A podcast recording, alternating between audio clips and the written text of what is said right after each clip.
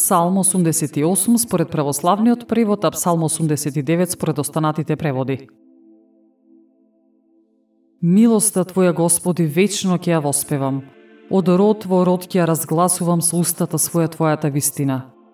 Зашто рече, милоста е за вечност установена, а на небото Ти ја утврди Твојата верност. Јас поставив завет со моите избраници, му се заколнав на мојот слуга Давид – За вечност ќе го држувам Твоето потомство, од род во род и ќе го тврдувам Твојот престол. И небото ќе ги прославува Господи Твоите чудесни дела и Твојата вистина во собранијата на светиите. Зашто кој на облаците ќе се споредува со Господ и кој од синовите Божии ќе се изедначи со Господ? Во соборот на светиите Бога го прославуваат. Велик е и страшен за сите што се околу него. Господи Боже на силите, кој е моќен како Тебе? Силен си Ти, Господи, верноста Твоја те обкружува. Ти управуваш со силата на морето и силните бранови негови Ти ги скротуваш. Ти го скрши ракав како труп. Со Твојата крепка рака ги распрсна непријателите своји. Твои се небесата и Твоја е земјата. Вселената и она што ја исполнува Ти си ја основал. Север и југ Ти си ги создал – Тавор и Ермо за Твоето име се радуваат. Силна е Твојата мишка, цврста е раката Твоја, високо издигната десницата Твоја. Праведноста и правдата се основа на Твојот престол. Милоста и верноста одат пред Твоето лице. Блажени се луѓето што го познаваат трубниот глас. Тие одат во светлината на Твоето лице, Господи. За Твоето име се радуваат цел ден и со Твојата праведност се возвишуваат, зашто Ти си похвала на силите нивни и со Твоето благоволение се издига нашиот рок. Бидејќи нашата заштита доаѓа од Господ и од светецот Израилев, нашиот цар. Некогаш ти си им зборувал на твоите верни во видение и си рекол Јас му дадов помош на силниот, го издигнав избраникот меѓу мојот народ – го најдов мојот слуга Давид, со своето свето масло го помазав. Раката му ја ќе остане со него и мишката му ја ќе го закрепнува. Непријателот не ќе може ништо да му направи и синот на беззаконието нема да го собори.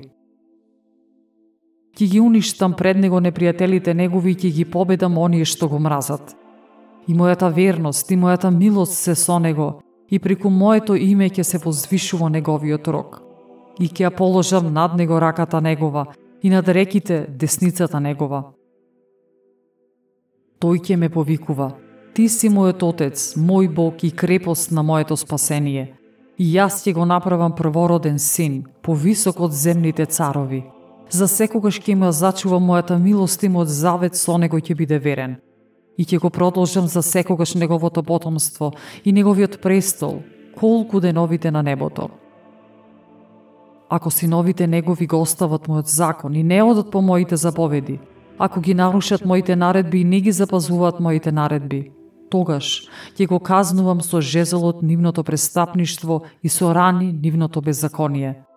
Но милоста своја нема да ја отстранам од него и верноста своја нема да ја изневерам.